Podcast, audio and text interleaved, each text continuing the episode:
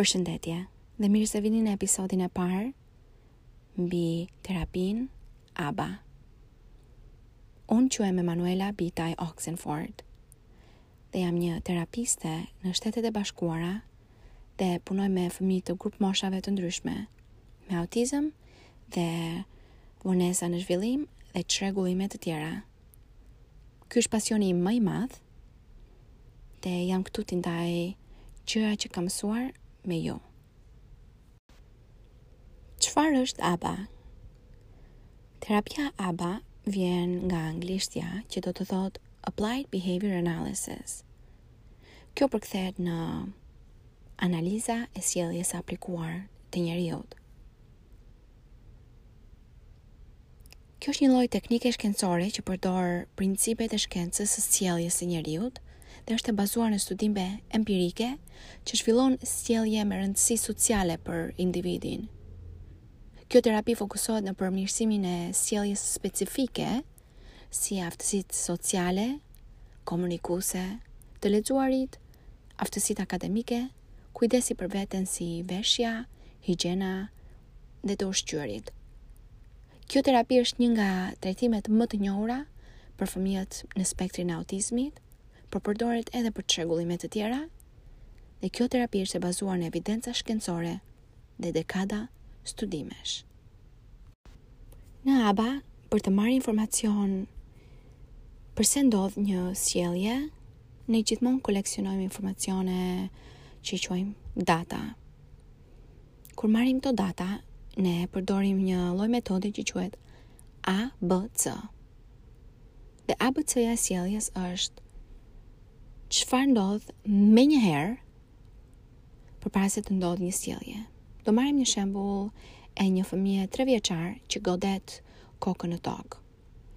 Çfarë ndodh menjëherë përpara se fëmija të godasë kokën në tokë? Ne shkruajmë Mësuesja i tha, merri një lapsat. Bë është si duket sjellja. Ne duhet ta përshkruajmë këtë në mënyrë objektive dhe nuk mund të themi ishte e zemëruar apo e trishtuar, sepse ajo është subjektive, sepse duket ndryshe për mua dhe për dikë tjetër se çfarë do të thotë zemëruar. Dhe një mënyrë përshkrimi objektiv është të themi um, filloi të qante me lot, ngriti zërin për 5 sekonda, hodhi trupin në shesh dhe plasi kokën në tokë 5 herë. C është pasoja, domethënë çfarë ndodhi menjëherë pas kësaj sjelljes.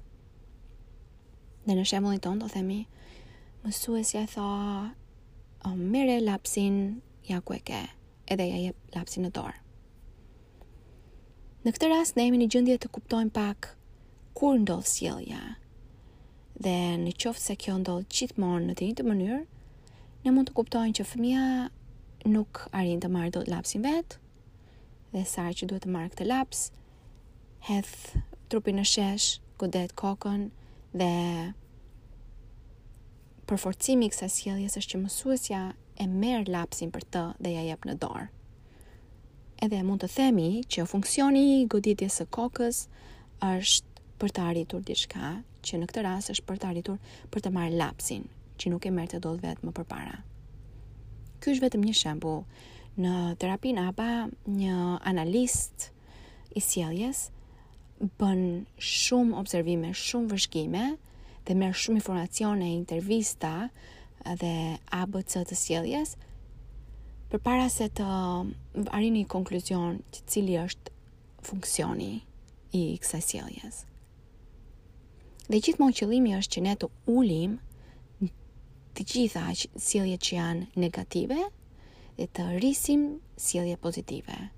Domethënë, duam të ulim sjelljet e të hedhurit trupit në shesh dhe të plasurit të kokës dhe të rrisim fëmijën uh, komunikimin e fëmijës duke thënë lapsin të lutem ose të thojë nuk e arrij dot ose të thojë ndihmë. Sjellja e njeriut ka tre funksione kryesore. Funksioni i parë është për të marrë ose arritur diçka. Mund të jetë vëmendja e dikujt, mund të jetë një objekt, mund të jetë një ushqim i preferuar, mund të jetë një aktivitet, si të parit televizor, të dalë përjashta të luajë me ty, ke me vrap ose mund të jetë të arrijë një objekt që është shumë lart prej tyre çdo gjë që është e preferuar që ne duam në atë moment funksioni i dytë është të shmangurit e diçkaje mund të jetë një dritë e fortë dhe ne bëjmë këtë duke fikur dritën mund të jetë një moment që jemi në një grup njerëzish dhe nuk ndihemi rehat dhe duam ta shmangim këtë lloj ndjesie dhe ne largohemi. Mund të jetë kur nuk na pëlqen diçka, mund të jetë kur diçka është shumë e vështirë për ta bërë. Dhe ne sillemi në një mënyrë të caktuar për ta shmangur këtë situatë. Dhe arsyeja e tretë, funksioni i tretë i sjelljes së njeriut është një ndjesi automatike. Dhe kjo do të thotë që e bëjmë diçka, nuk duam të arrijmë një gjë e nuk duam të shmangim një gjë. E bëjmë sepse ndihet mirë për ne, pavarësisht nëse ka njerëz apo s'ka njerëz rreth nesh. Për shembull, në qoftë se ne po bëjmë një dush dhe ne këndojmë, nuk këndojmë sepse duam që njeri të na dëgjojë zërin tonë, por e bëjmë sepse ndihet mirë, um, zona vokale kur këndojmë. Kur përtypim një çamçakiz, e bëjmë sepse ndihet mirë në muskujt e nofullës. Kur luajmë me stilolaps, e bëjmë sepse ndihet mirë në gishtin tonë dhe gjithashtu zhurma që bën stilolapsi. Dhe këto janë disa shembuj për sjelljen automatike. Është shumë e rëndësishme për ne si terapistë të dimë funksionin e sjelljes së një fëmije. Sepse në bazë të funksionit të sjelljes, ne mund të ndryshojmë çfarë ndodh përpara sjelljes, të ndryshojmë ambientin dhe çfarë u mësojmë fëmijëve, dhe të ndryshojmë pasojat, të ndryshojmë se si ne reagojmë ndaj kësaj sjelljeje. Sepse nëse një fëmijë e bën një veprim sepse do një objekt, ne i mësojmë atë fëmijë se si ta kërkojë objektin me fjalë. Nëse një fëmijë do vëmendjen tonë, ne i mësojmë një fëmijë se si të kërkojë vëmendjen tonë në mënyrë të përshtatshme që nuk përfshin të goditurit apo të bërtiturit, por kërkon duke çuar duke vendosur dorën e tyre mbi shpatullat tona ose duke na folur në emrin tonë ose duke thënë më falni Nëse një fëmijë e bën një veprim sepse ndihet mirë për ata fizikisht, ne i japim një mënyrë që nuk dëmtohen edhe të vazhdojnë ta bëjnë atë veprim. Në qofë se një, pël, një fëmije i pëlqen të rrotullohet gjatë gjithë kohës, për aq kohë sa nuk dëmton veten ose të tjerët, dhe e bën për pak kohë dhe pastaj është në gjendje të ulet dhe të bëjë një aktivitet që duhet të bëjë, në qoftë se është në shkollë të bëjë detyrë, në qoftë se është në shtëpi dhe duhet të ushqehet, të ulet të ushqehet, për ne nuk është problem, ne thjesht i mësojmë fëmijës se si ta bëjë në mënyrë të përshtatshme. Gjatë terapisë ABA, Ne përdorim përforcime për të rritur nivelin e sjelljes që po i mësojmë fëmijës. Këto përforcime mund të duken në mënyra të ndryshme, që nga përgëzimi i thjeshtë, në të dhënit të një lodre të preferuar, një aktiviteti të preferuar, një ushqimi të preferuar.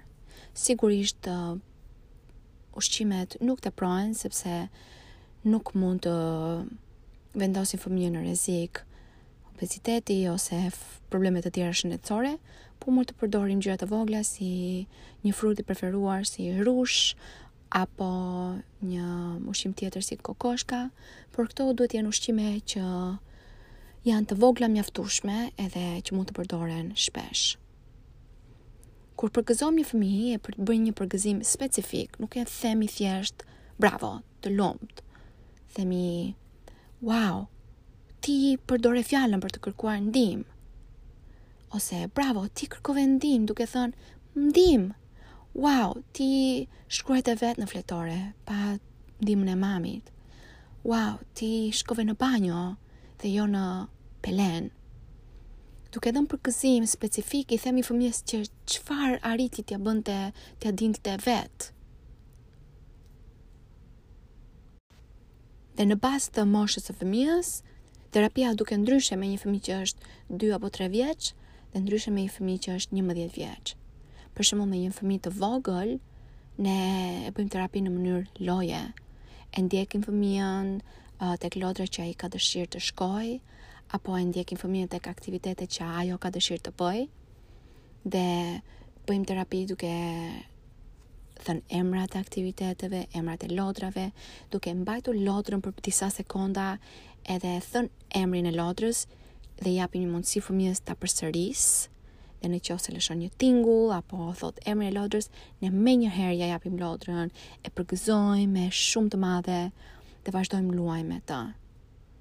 Ndërsa një fëmijë që është 11 vjeç, ne presim pak më shumë sepse një fëmijë tipik 11 vjeçar shkon në shkollë, është në gjendje të ulet në karige për disa minuta dhe me fëmijët tanë që janë 11 vjeçar, ne ulemi me ta në karige dhe tavolinë edhe u mësojmë gjëra të ndryshme që nga